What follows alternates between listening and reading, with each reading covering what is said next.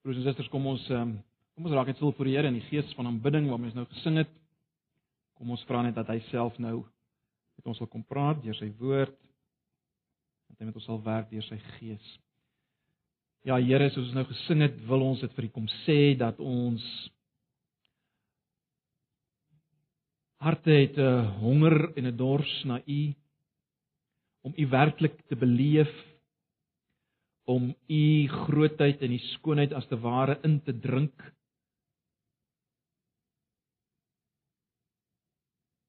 Maar Here, ons is afhanklik van u om u self as te ware vir ons aan te bied in hierdie oggend. Deur die woord en deur die werking van u Gees. En ons bly dat u dit sal doen. Ag Here, u ken ons groot struikelblok naamlik die feit dat ons so baie weet van u. Ons ken al die groot waarhede en tog dikwels word ons nie meer daardeur beweeg nie. Here ons het te gewoond geraak aan alles. Dis alles te alledaags vir ons. En daarom het ons u nodig. Ek het u nodig elkeen van ons wat hier voor U sit, het U nodig om Here in hierdie oggend uit genade ons aan te raak en ons oë te oop en ons geestesoë om U te sien. Sodat uiteindelik ons wil en ons emosies beweeg word tot aanbidding van U en tot lewens wat U aanbid. Ag Here, dis ons gebed in hierdie oggend. Dat U dit sal doen vir ons uit genade uit. Enigste rede hoekom ons kan kom na U in hierdie oggend, hoekom ons met vrymoedigheid kan kom, Here, is maar net as gevolg van wat U in ons plek gedoen het. As ons na onsself kyk, en ons skrap in ons binneste, Here, dan dan vind ons oppervlakkigheid en valsheid en min liefde. Daarom is ons verwagting van U en U alleen Ons verwagting is dat U met ons sal praat en werk nie op grond van wat in ons is nie, maar op grond van ons posisie in U, op grond van wat U gedoen het. Ag Here, asseblief. Ons verlange is na U. Ons wil vra dat U ook in hierdie oggend baie naby elkeen sal wees wat siek is in ons midde, swaar kry. U ken hulle by die naam. Ag Here, wil jy in hierdie oggend jouself ook aan hulle openbaar op 'n baie besondere wyse. Asseblief. Ons vra dit net in Jesus se naam. Amen.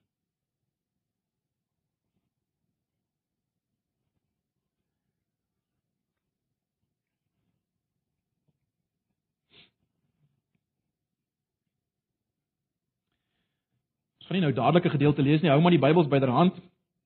Kom ek herinner julle net waarmee ons besig is. Ons het nou verlede Sondag begin om rustig na te dink oor die een wat in hierdie Kerstyd vir ons uitgebeeld word op Kerskaartjies as dit wels 'n fraai babatjie wat lê in 'n pragtige skoon krib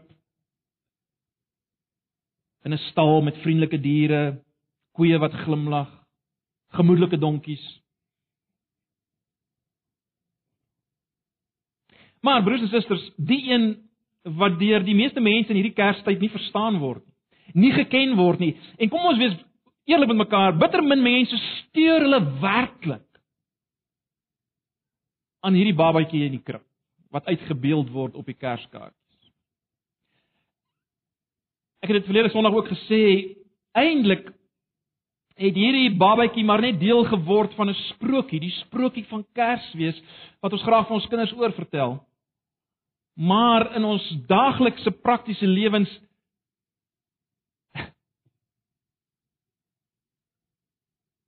het hierdie sprokie eintlik geen sê nie, net soos enige ander sprokie eintlik geen verskil maak in jou lewe nie, né? Dit maak geen verskil in jou lewe nie. So ook nie die sprokie van Kersfees. En daarom broers en susters, het ek dit goed gedink dat ons tog uh in hierdie laaste paar sonnae wat wat ek ook nog hier is, ons is besig om in te beweeg in die Kerstyd, stil te staan by by Jesus. En ons het nou begin om te kyk verlede Sondag na Jesus as baba tot volwassene.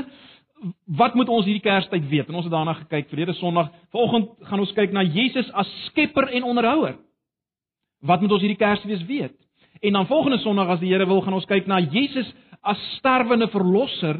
Wat moet ons in hierdie Kerstyd weet? weet? En dan uh, as die Here wil uh die 8de Desember uh, sal ons dan afsluit om te kyk na Jesus as die as die finale terugkerende koning wat ons in hierdie Kerstyd moet weet.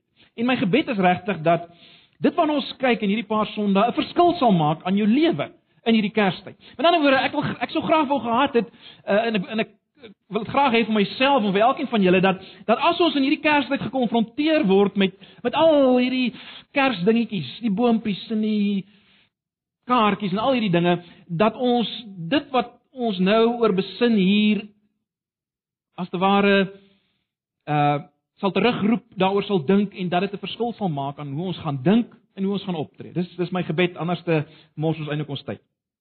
Nou, ons het uh, verlede Sondag diep onder die indruk gekom, broers en susters, dat dat Jesus vanaf die proses van geboorte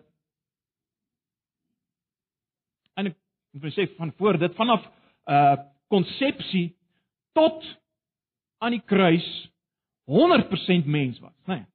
Nee, 100% mens. Soos ek en jy, geen verskil nie. 'n Mens met al die begeertes en behoeftes en emosies soos ek en jy. Daar's net een verskil sonder sonde. Maar mens soos ek en jy. Ons het gesien dat Jesus uh natuurlik vanaf kruis of, of vanaf krib tot kruis as te ware uh doelbewus afstand gedoen het van sy godheid sodat hy absoluut mens kon word vir my en jou om ons uiteindelik te verlos. En ons het vir mekaar gesê dis juist wat in hierdie Kerstyd ons ook kan deurdra en bemoedig dat Jesus die Jesus van Kerstyd of die Jesus waaroor ons dink in Kerstyd, hy verstaan my menswees. Hy hy weet hoe ek voel, waar ek gaan.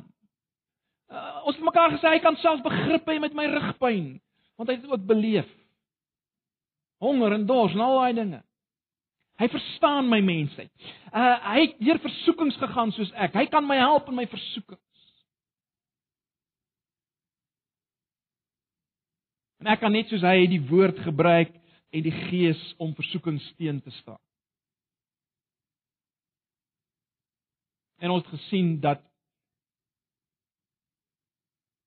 in al sy mensheid en dit wat hy kom word het, kom roep hy ons op tot selfverloning en opoffering in hierdie Kerstyd uh vir die koninkryk en vir die redding van mense. Dis waarna ons gekyk het verlede Sondag.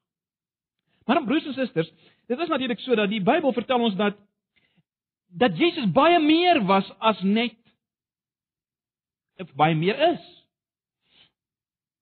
As net 'n mens. 'n Mens wat vanaf baba tot volwassene geleef het.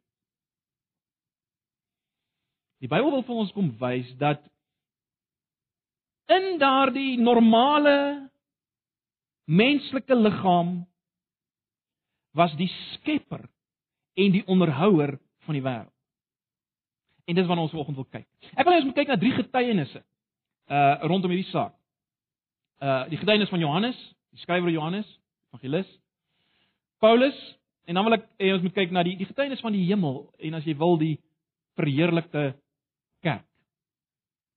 Wat sê hulle oor hierdie hele saak van Jesus as skepper en onderhouer?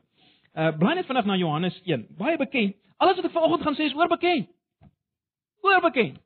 Oor alles het ek sekerlik al gepreek. En baie dinge wat ek vanoggend gaan sê, gaan julle sê, "Ooh, maar jy het dit al gesê." Ja, verseker. maar broers en susters, ons groot probleem is ons vergeet. En daarom moet ons mekaar net weer herinner aan hierdie goed. So kom ons bly na Johannes 1 oorbekende gedeelte. Net so terloops, julle sal weet Johannes anders as die uh ander evangelies, Johannes het geen geboorte verhaal van Jesus. Hy laat dit uit. Net soos Johannes byvoorbeeld net interessantheidshalwe geen verheerliking van Jesus op die berg het nie, want hy wil wys Jesus se hele lewe is sy verheerliking, veral sy sterwe. Maar goed. Hoe dit ook al sê, Johannes begin nie met 'n geboorteverhaal nie, hy begin so. Johannes 1 vanaf vers 1. In die begin was die woord daar en die woord was by God en die woord was self God. Hy was reeds in die begin by God. Alles het deur hom tot stand gekom. Ja, nie 'n enkele ding wat bestaan het sonder hom tot stand gekom nie. In hom was daar lewe en die lewe was die lig vir die mense. Nou julle sal weet Johannes ek goed doelbewus hierdie eerste woorde natuurlik van Genesis 1 in die begin het God die hemel en die aarde geskep. Inderwaarheid neem Johannes ons terug na voor die skepping. Hy sê voor die skepping was die woord alreeds daar. Hierdie woord was met God en hierdie woord was self God.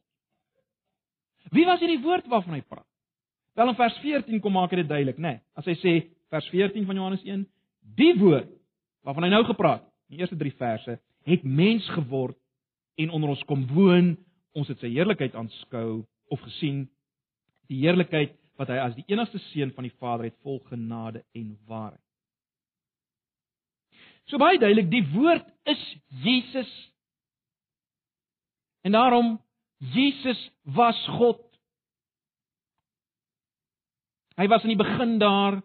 En nou weet ek, ag, ons almal kan as te ware gaap deur hierdie waarheid, maar ek ek pleit julle net vir 'n oomblik, haal 'n slag diep asem en en dink hieroor asof jy dit nog nooit gehoor het.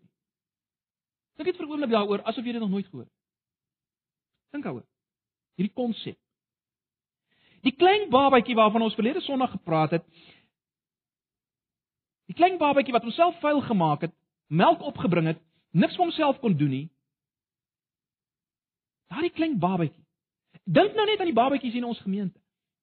Dink aan. Daardie klein babatjie was God. Broers en susters, dis 'n geweldige konsep. Geweldige gedagte. Jesus is God geïnkarneer. God wat mens word. Maar luister, Johannes sê nog meer as dit. Het julle dit gesien? Kyk weer na vers 3. Alles het deur hom daardie babatjie. Alles het deur hom tot stand gekom. Ja, nie 'n enkele ding wat bestaan het sonder hom tot stand gekom. Dis Johannes se getuienis. Dis Johannes se getuienis. Dis die Jesus van die Kerskaart nie enkele ding wat bestaan het sonder hom begin bestaan tot stand gekom. So dis Johannes se getuienis. Kom ons beweeg aan na Paulus se getuienis. Kolossense. Baie baie bekende gedeelte ook. Ons het al daaroor gepreek, ons het al daaroor gepraat. Kom ons kyk net weer daarna. Kolossense 1. Ehm um, vanaf vers 5.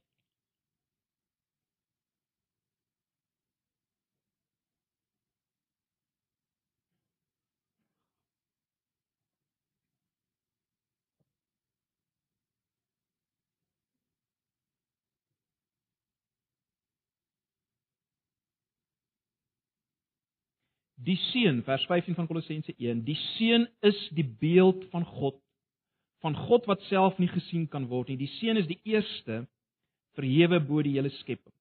Die 53 vertaling sê hy is die eerstgeborene van die hele skepping. Ek sal net nou daai begrip verduidelik. Vers 16 God het deur hom alles geskep wat in die hemel en op die aarde is. Alles wat gesien kan word en alles wat nie gesien kan word nie ook die engele om sy troon en al die geestelike magte, alles is deur hom en vir hom geskep.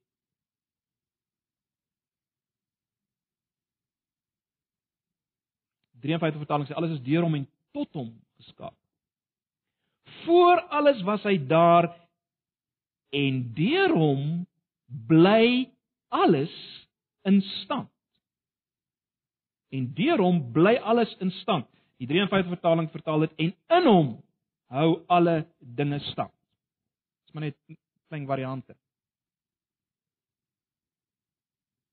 Nou, onmiddellik as mens vers 15 lees dan herinner dit mens weer aan Genesis 1 vers 27 waar gesê word die mens is die beeld van God.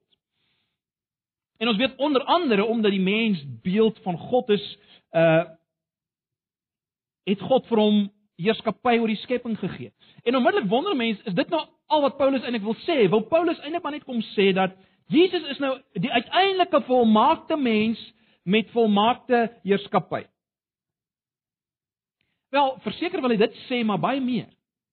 Want broers en susters, ons weet die mens alhoewel ons na die beeld van God geskep is, is ons nie God nie.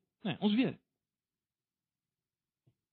Maar die hele punt wat Paulus vir ons kom wys is dit: die seun Jesus is as die beeld van God is hy God self. Nee, dit dit is die dis die groot punt wat hy wil uitbring. Dis die punt wat hy wil uitbring. As jy net kyk na vers 19. God het besluit om met sy volle wese in hom te woon. Dis Jesus. God het besluit om met sy volle wese in hom te woon. Uh net verder in Kolossense 2 vers 9 stel Paulus dit so. Kyk na Kolossense 2, bly net aan vers 9.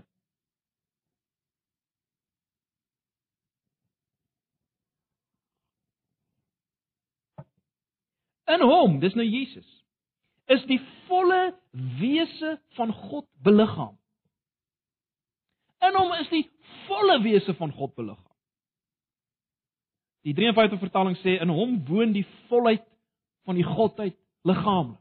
Geweldige uitsprake. So dis die eerste ding wat wat Paulus sê van Jesus as die beeld van God. Of wil hy ons moet raak sien, hy is self God. Maar tweedens wil hy hê dat ons moet raak sien dat dat Jesus as beeld van God God in 'n sigbare vorm is.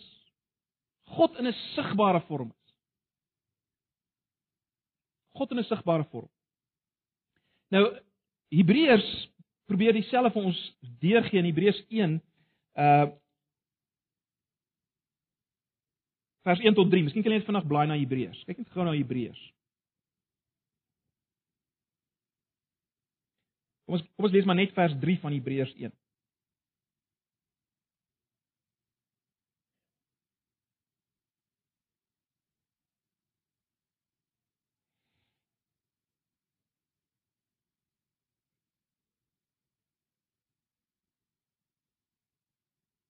Hebreërs 1 vers 3 uit hom dis Jesus straal die heerlikheid van God.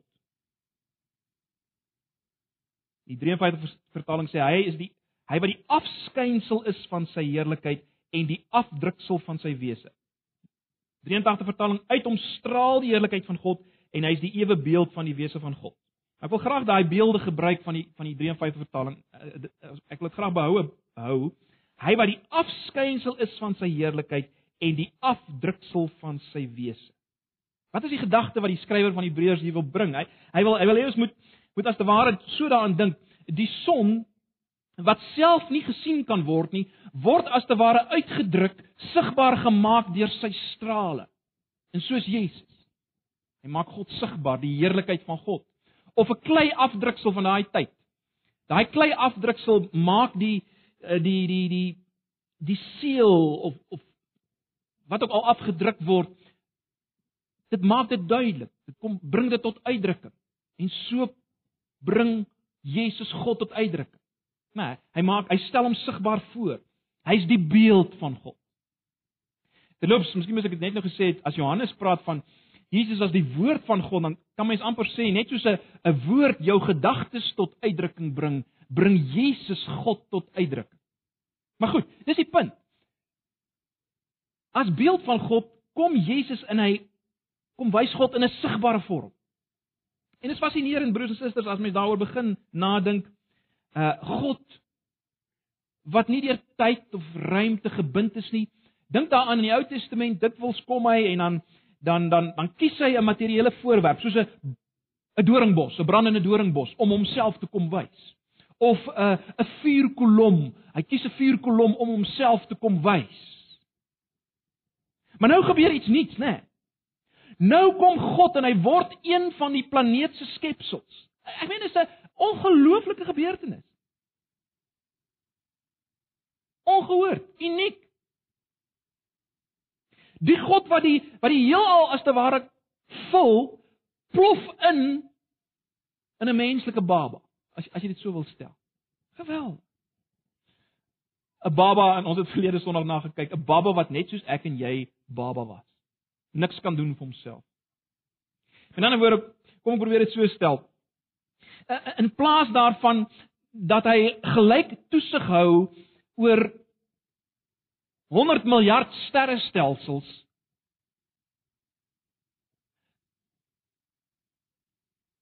kyk hy nou uit op 'n smal steegie in Nasaret. Kyk hy uit op 'n hoop klippe in die Judeese woestyn of op 'n besige straat in Jerusalem. Maar as jy kyk hoe hy met mense werk, jy sien sy liefde en sy uitreik na mense, uh sy deernis. Jy sien hoe hy dink oor sonde, dan sien jy God. Dan sien jy hy's God. Dis wat Johannes probeer sê as hy sê ons het sy heerlikheid aanskou vol genade en waarheid.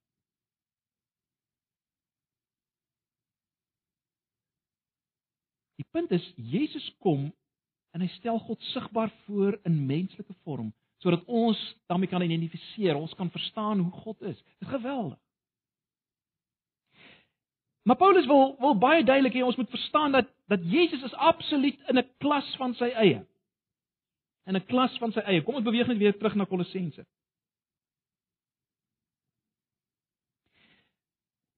Kyk net weer na Kolossense 1. Kom ons uh, verwys net eers na die 53 vertaling. Daar lees ons: Hy, dis nou Jesus is die beeld van die onsigbare God, die eersgeborene van die hele skepping. Nou, dis moontlik om dit verkeerd te verstaan, né? As mens as mens die 53 vertaling net so lees dan dan lyk dit asof Jesus maar net deel is van die geskaapte wêreld. Dis terloops wat die Jowe getuies ons wil wys maak, né? Jesus is maar net deel van die geskaapte wêreld. Maar hy is nie. Vers 16 maak dit vir ons baie duidelik. As vers 16 sê God het deur hom alles geskep wat in die hemel en op die aarde is, alles wat gesien kan word en alles wat nie gesien kan word nie, ook die engele om sy troon en al die geestelike magte, alles is deur hom en vir hom geskep. Dit is vir ons dat ons nie eersgeborene kan verstaan as hy is hy's maar net soos die ander skepsels. En daarom dink ek om terug te kom na die 1983 vertaling, ek dink dit is korrek vertaal as die 83 vertaling sê uh die seun is die beeld van God, van God wat self nie gesien kan word nie en dan die seun is die eerste verhewe bo die skepping. Ek dink die 83 vertaling is reg. Hy's verhewe bo die hele skepping. Dis die hele punt. Want in hom is alle dinge geskape, so hy staan bo oor die skepping, né? Nee, hy's bo die skepping. Hy's nie deel daarvan nie. Hy het alles geskep. Broers en susters, dis is fascinerend. Alle dinge, né? Nee, uh, wat Paulus wil hê ons moet raak sien hier is dat Jesus het materiële dinge geskep en geestelike geestelike dinge geskep. Maak nie saak wat daar is nie, hy het dit geskep. Met ander woorde, hy, hy gaan amper nog verder as Johannes om dit nog meer duidelik te maak. Alles is deur Jesus. Geestelike dinge, materiële dinge. Maar Paulus gaan nog 'n entjie verder. hy gaan nog 'n entjie verder. En hy sê alle dinge is vir hom geskep of tot hom geskep. Nie net deur hom geskep nie. Alles is vir hom of tot hom geskep.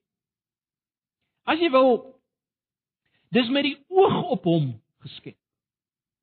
Alle dinge is met die oog op Jesus geskep. Dink daaraan. Dis fascinerend. Dis geweldig. Dit gaan bietjie verder as wat Johannes sê. Alle dinge is vir hom of tot hom met die oog op hom geskep. Kom ek stel dit anders. Hy is die skepping se hoofdoel. Hy is die hoofding waaroor alles gaan.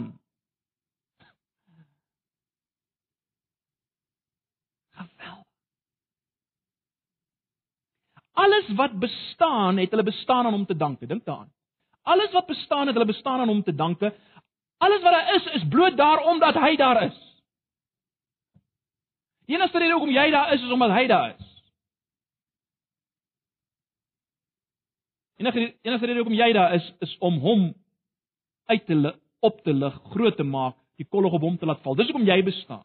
Dis hoekom enigiets bestaan. Geestelik, materieel, enigiets. Alle skepsele sonder uitsondering moet eer aan hom gee, sy doelwit te dien. Hy's die doel van hulle bestaan. Dis die punt. Dis die baba in die krib.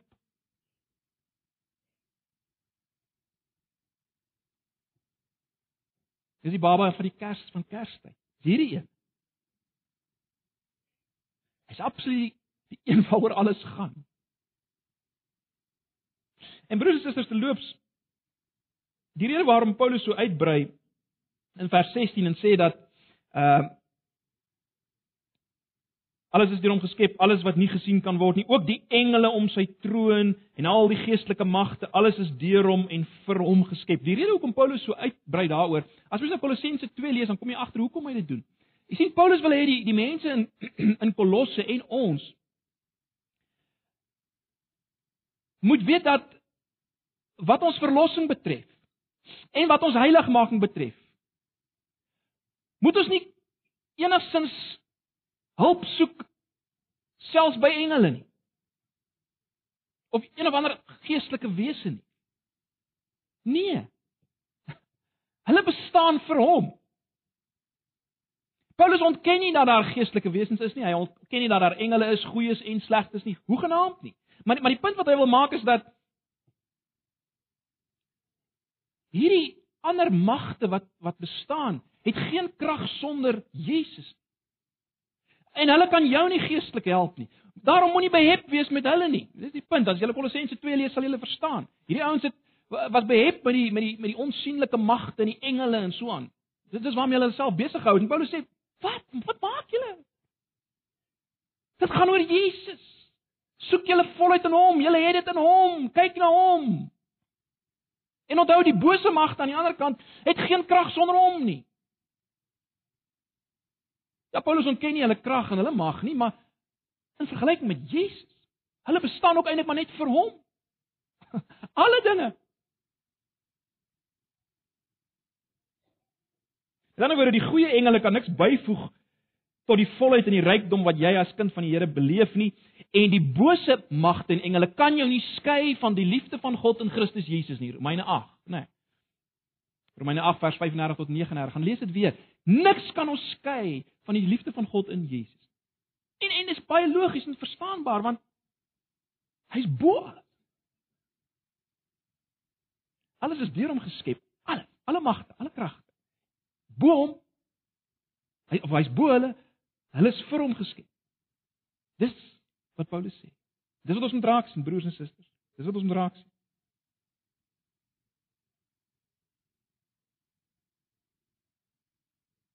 Raak opgewonde oor hom.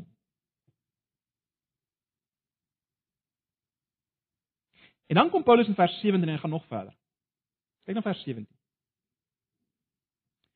Voor alles was hy al daar en deur hom bly alles in stand of in hom bly alles in stand. So hy gaan nog 'n stap verder.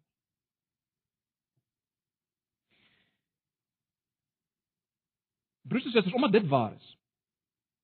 Omdat alle dinge hulle voortgaan en samehang as jy wil aan Jesus Christus van Nasaret, die baba van die krib te danke het. Omdat dit so is, is daar eenheid en is daar doel in die natuur en die geskiedenis. Dis hoekom die wêreld en alles wat bestaan 'n kosmos is en nie chaos as gevolg van Jesus. Dis hoekom daar 'n ordelike heelal is. Ja, dit lyk nie altyd vir ons so op die oppervlakte nie, né? Nee. Kom ons dink net vir 'n oomblik aan aan aan die natuur. Die natuur lyk dikwels vir ons soos uh uh dit dikwels gestel word, die natuur lyk vir ons rou in tand en klou, né? Nee. Die frase wat gebruik word. Dit lyk vir ons yesterday hier natuur, dinge is deur mekaar, jong. Mag broers en susters, as mens bietjie nader gaan kyk, uh, ek verlustig my altyd in David David Attenborough se se DVD's en dit wat uh, hy uitlig. Onlangs het ek gekyk na die die die The Secret Life of Plants, die geheime lewe van plante. Fascinerend. Fascinerend. Die orde en plan en alles, of die verhouding tussen plante en insekte, die verhouding tussen plante en voëls. Een voeltjie maak 'n geluid net op die regte desibel dat die styfmeel van 'n sekere blommetjie afval bo op hom en hy dit kan versprei. Geweld. Maar die punt vanoggend wat ons moet raak sien broers en susters is dit. Hierdie samehang, die feit dat alles in verband staan en saamwerk, daar's net een rede daarvoor. Daar's net een rede daarvoor, dis Jesus. Niks anders nie. Jesus. Hoor ons dit? Ons dink net aan die makrokosmos weer. Nou ek het al hierdie beeld gebruik of voorbeeld gebruik, verskoon my. Maar net weer om ons net weer 'n gevoel te gee van die grootheid van die van die van die makrokosmos. Hier hier's een vergelyking wat ek gelees het. So as dit nie korrek is nie, wel, ek sal vir julle die bron gee dan moet julle met die ou stry. Maar word gesê deur die slim ouens dat die deursnee van van een van die sterrestelsels. Nou daar's daar duisende sterrestelsels, weet ons. Die deursnee van een sterrestelsel, die sogenaamde Andromeda sterrestelsel, sê die ouens vir ons, is 150 000 ligjare. Dis sy deursnee, 150 000 ligjare. Nou, 'n ligjaar is die afstand eh, wat lig in 'n jaar af lê teen 'n spoed van plus minus 190 000 km per sekonde. 'n ligjaar. Nou hulle sê as jy 'n poskaart grootte van hierdie Andromeda sal neem en jy druk met 'n speld 'n gaatjie deur, dan sal daai gat so 600 ligjare voorstel. Daai gaatjie sal dan so 600 ligjare voorstel. En nou sê die ouens as 'n vliegtuig teen so 1000 km per uur vlieg, raai hoe lank sal dit hom vat om daai pos daai speld grootte gaatjie oor te steek? 650 miljoen jaar. 650 miljoen jaar. Wat is die punt wat ek probeer maak? Wie laat hierdie ontsaglike groot dinge in orde beweeg planmatig? Wie, wie hou dit in stand? Wel, Jesus. Dis wat Kolossense sê. Jesus. Hy hou hierdie sterrestelsels in plek. As jy as jy by wyse van spreuke kan jy sê die die dieselfde baba handjies wat Maria se vingers vasgegryp het, het hierdie sterrestelsels gemaak by wyse van spreuke. En dieselfde stem wat as babatjie geskree het, benoem hierdie ster. Kom ek verwys net na nog een een van hierdie sterre. Uh die sogenaamde pistolstaar. Afrikaans is seker pistoolster, ek weet nie of dit reg is nie, maar Hierdie ster is naby aan die sentrum van ons sterrestelsel en blykbaar straal hierdie ster in 6 sekondes soveel energie uit as wat die son in 'n jaar uitstraal. Hierdie ster. Terwyl dis die sterretjies wat die kindertjies altyd teken. Geweldige goed. Die massa van hierdie ster is 100 maal die van die son en sy deursnee is meer as 200 miljoen kilometer. Geweldig. Hy vul eintlik die die aarde se totale wentelbaan. Dis een van dis een ster.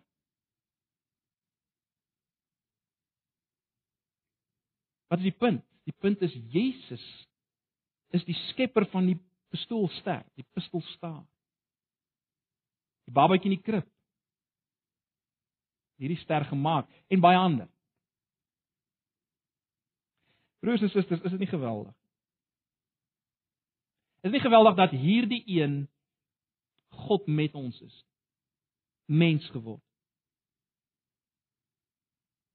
Hierdie een wat so ontsaglik groot is dat hy so ontsaglik klein geword dit wys net nog meer hoe ontsaglik groot hy is, is dit nie? Dat hy so ontsaglik klein kon word as baba. Maar kom ons gaan aan. Dink aan die geskiedenis. Die geskiedenis lyk dikwels asof daar geen orde is nie, dit lyk verwarrend. Maar in die lig van hierdie vers moet ons sê dat Jesus hou ook die geskiedenis in stand. Ja, ons weet uiteindelik eendag, as dink aan Jesaja 11, dan sal alles in harmonie en orde wees, maar die punt is, nou reeds hou Jesus dit in stand. Dit lyk vir ons deurmekaar. Dit lyk vir ons soos die onderkant van 'n tapisserie met al die drade wat deurmekaar hang, maar Jesus sien die bokant en hy hou dit in stand. Of as jy as jy dit ander beeld wil gebruik, uh dit lyk vir ons soos 'n internasionale lughawe en en vliegtuig kom en ons wonder gaan een nie met die ander in bots nie, maar die punt is daar sit iemand in die kontrolekamer. Jesus. Jesus sit in die kontrolekamer. Daarom bots Alles is onder sy beheer. Dit lyk nie so nie. Dit moet ons mekaar sê, dit lyk nie so nie. Ons kan nie as ons kyk na die dinge, lyk dit vir ons totaal deurmekaar dikwels. Maar in die geloof ons dit vat. Hy is in beheer daarvan. Ag, ons het al baie oor gepraat, ek wil nie nou daarby uitbrei nie. Wat wat is die groot punt is is net dit broers en susters. Die ding wat alles bymekaar hou is nie kans nie. Is nie noodlot nie. Is ook nie natuurwette nie. Alhoewel Jesus natuurlik dit kan gebruik en hy gebruik dit. Maar maar jy hoor wat ek sê, dis nie kans of noodlot of natuurwette as onafhanklike entiteite wat wat alles in balans hou nie. Dis Jesus. Dis die punt wat ons moet raak. Dis die kom ek stel dit so, dis die baba van Kersfees se liefde wat die toue van die heelal vashou. Dit nos. Die baba van Kers se liefde wat die toue van die heelal vashou. Ons het nou gekyk na die natuur en die makrokosmos en die geskiedenis, maar dit geld natuurlik ook vir die mikrokosmos en vir my en jou, ons ons bestaan, né? Uh ag, ek het al hierdie voorbeeld ook genoem. Ek en jy bestaan ook uit atome uit eh, met met elektriese ladingkies in elke atoom. Nou as daardie elektriese ladingkie in jou atome vir een oomblik afgeskakel word, dan disintegreer jy. Die positiewe ladingkie. as die ladingkies van die atome in hierdie vertrek afgeskakel word dan dan verdwyn alles. Wat is die punt? In die lig van Kolossense 1, Jesus hou elke atoom in stand. Elektriese lading. Elke atoom. Dis die implikasie, is dit nie? So hy is in beheer ook van die mikrokosmos, as jy dit so wil stel. Nou ag broers en susters, ek weet die die die nie Christen persoon sal vir jou sê ag maar jy praat snaaks. Ek kan nie sien dat alles in stand gehou word deur Jesus nie. En broers en susters, ons moet dit mekaar sê, dis 'n geloofsuitspraak. Ons vat dit in die geloof. Uh Hebreërs 2 vers 8 en 9 gestel het. Luister, hy sê, die skrywer sê nou sien ons nog nie dat alle dinge aan hom aan hom onderwerp is nie. Nou sien ons nog nie dat alle dinge aan hom, hom onderwerp is nie, maar ons sien hom naamlik Jesus met heerlikheid en eer gekroon. So ons sien dit met die geloofsoog. Ons sien met die geloofsoog hierdie dinge. In beginsel is alles onderworpe aan hom, uiteindelik sal dit sigbaar wees tot in alle ewigheid. Maar ons sien dit nou met die geloofsoog. Broers en susters, dit bring my by my by die laaste getuienis, ook 'n bekende gedeelte waarna ons al baie gekyk het, Openbaring 5.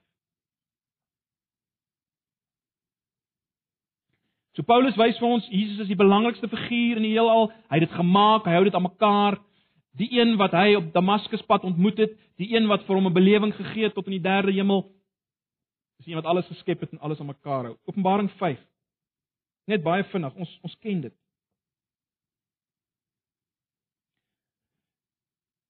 Kom ek lees dit weer.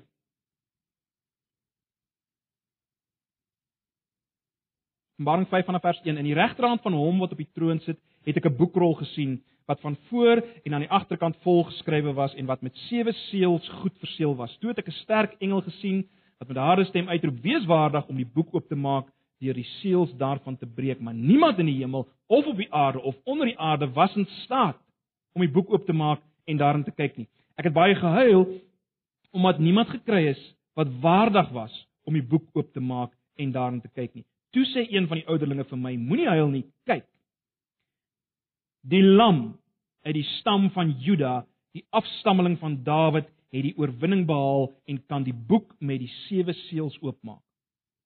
Toe ek voor die troon wat omring was deur die vier lewende wesens tussen die troon en die ouderlinge 'n lam sien staan, die een wat geslag was. Hy het sewe horings en sewe oë gehad, die sewe oë is die sewe geeste van God wat oor die hele aarde uitgestuur is. Hy het toe gegaan en die boek ontvang uit die regterhand van hom wat op die troon sit.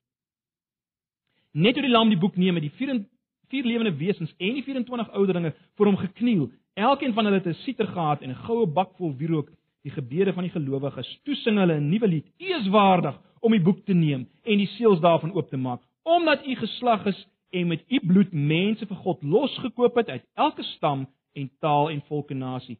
U het hulle 'n koninkryk en priesters vir ons God gemaak en hulle sal oor die aarde regeer. Toe ek rondom die troon en die lewende wesens en die ouderlinge 'n groot menigte engele gesien. Daar was duisende der duisende, ja, miljoene der miljoene. Ek het hulle hardhoor uitroep: "Die lam wat geslag was is waardig om die mag en rykdom, die wysheid, sterkte, die eer, heerlikheid en lof te ontvang." Die hele skepping, alles in die hemel en op die aarde en onder die aarde en op die see, ja, alles wat daar is, het ek hoor sê. Aan hom wat op die troon sit en aan die lam, hoor die lof en die eer, die heerlikheid en die krag tot in alle ewigheid. Broers en susters, dis die getuienis van die hemel. Uh terloops die 24 ouderlinge stel maar die kerk voor, né? Nee. Uh 12 stamme, 12 apostels, 24 die geheel van die Nuwe Testamentiese kerk.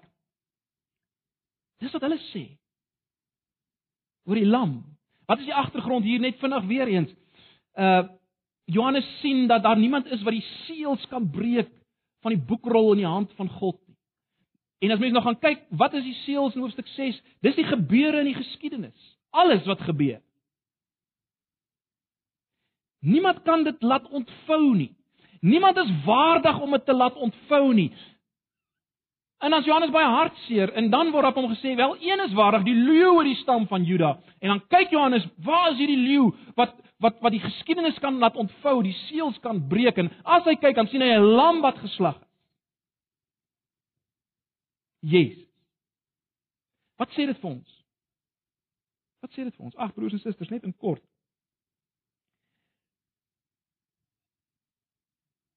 As leeu en lam is Jesus waardig om in beheer te staan van alles wat gebeur. Leeu wel dit staan natuurlik vir sy krag, sy mag, dit wat ons net gesien het, sy absolute krag en mag as skepper en onderhouer. Maar hierdie selfe leeu is ook die lam wat bereid was om geslag te word, die een wat sag is en medelee het met ons. En, en wat is die punt? Die geskiedenis word ontvou deur hierdie een. Die een wat 'n 'n kombinasie is van absolute krag en absolute mag, maar ook absolute sagtheid en opoffering in selfverloning. Dis die een wat in beheer staan van die geskiedenis as jy wil. Dis die een wat alles in stand hou, alles laat ontvou. En daarom, daarom sing die die wesens in die hemel, die hele verheerlikte kerk, die lam wat geslag was is waardig om die mag en rykdom, die wysheid sterkte, die eer en heerlikheid en lof te ontvang. Alles kom hom toe. Ag broers en susters, ons kan aangaan en aangaan. Maar kom ons berus ons by hierdie drie getuienisse. Kom maak net 'n laaste paar opmerkings.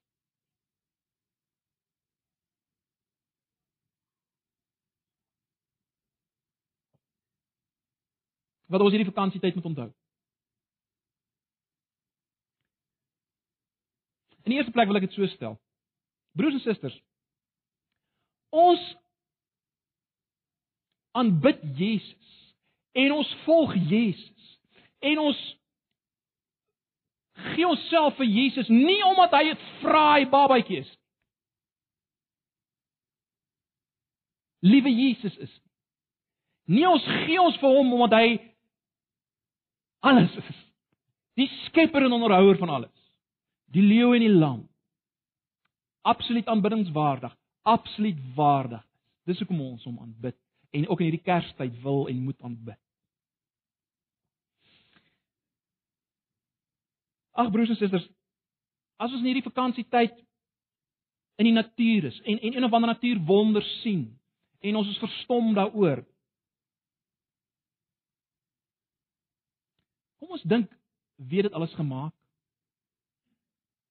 En kom ons laat toe dat ons verwondering oorgaan in aanbidding van Jesus. Mag dit nie wees dat een van ons sal sê, "Jog, moeder natuur is wonderlik. Kyk hoe sorg moeder natuur vir haar kinders." Nee, Jesus. So. So, dis my gebed dat ons dit hierdie vakansietyd sal doen. Maar dan baie belangrik. Broers en susters, in die lig van wat ons nou gesien het, hoe kan 'n mens in hierdie vakansietyd meer tyd spandeer aan TV-sepies en sporthelde en musiekhelde en jou eie liggaam en jou eie voorkoms as aan hierdie Jesus. Dit lyk vir my na hoogvraat. Dis die uitdaging. Hierdie vakansie. Dis die uitdaging.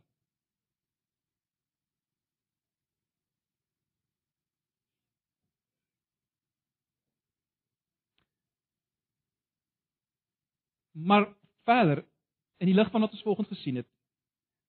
As ek en jy bekommerd is en benoud is en bang is vir dit wat voorlê in die jaar wat kom, nuwe jaar. Kom ons onthou wie is die een aan wie ons behoort? Kom ons onthou dit. Kom ons glo dit, kom ons vat dit.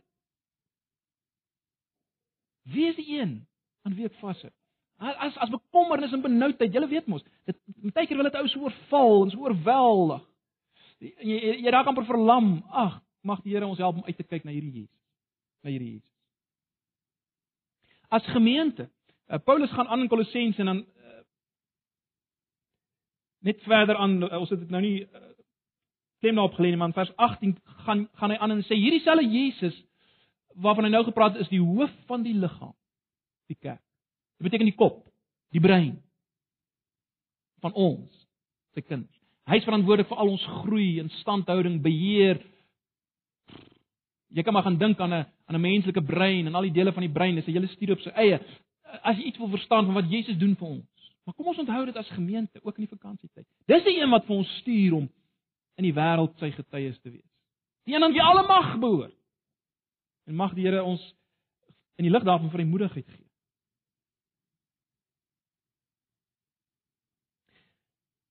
Net 'n volgende punt, kom ons dink aan die diepte van sonde in die lig van dit alles. Broers en susters, sonde is oortreding teen hierdie een. Hierdie Jesus. Sonde is om vir hierdie Jesus te sê ek wil hom beheer. Ek maak wat ek wil. Ek dink nie jy is so belangrik. Dis sonde.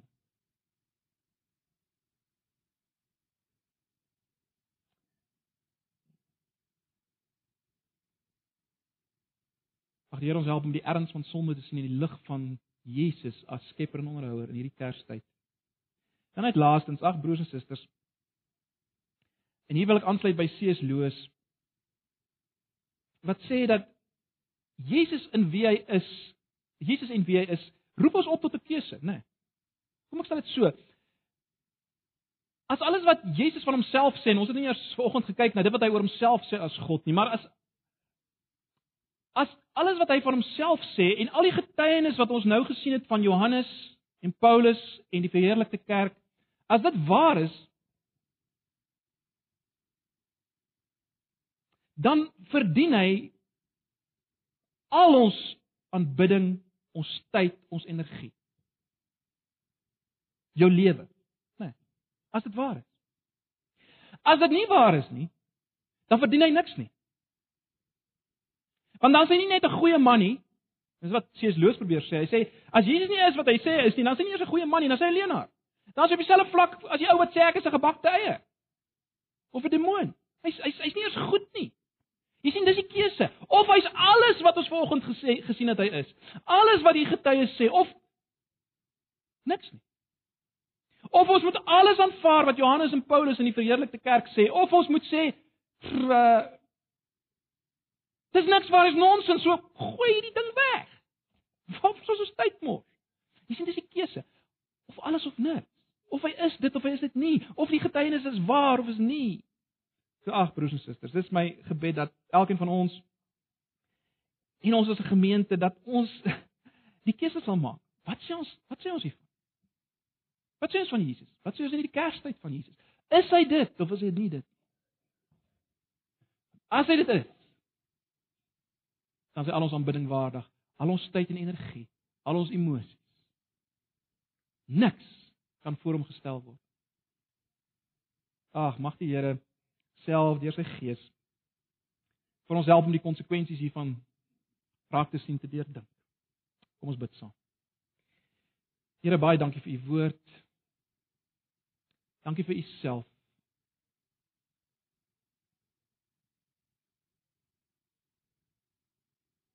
Ons wil u vanoggend eer en aanbid vir wie u is. Here ons ons staan beskaamd, ek staan beskaamd dat ek dikwels nie weet met wie ek te doen het nie dikwels so traag met die agtig lewe denkloos omgaan met u vergewe Here asseblief asseblief En ag, wil U ons help om hierdie Kerstyd anders te dink oor U self tot eer van U naam. Amen.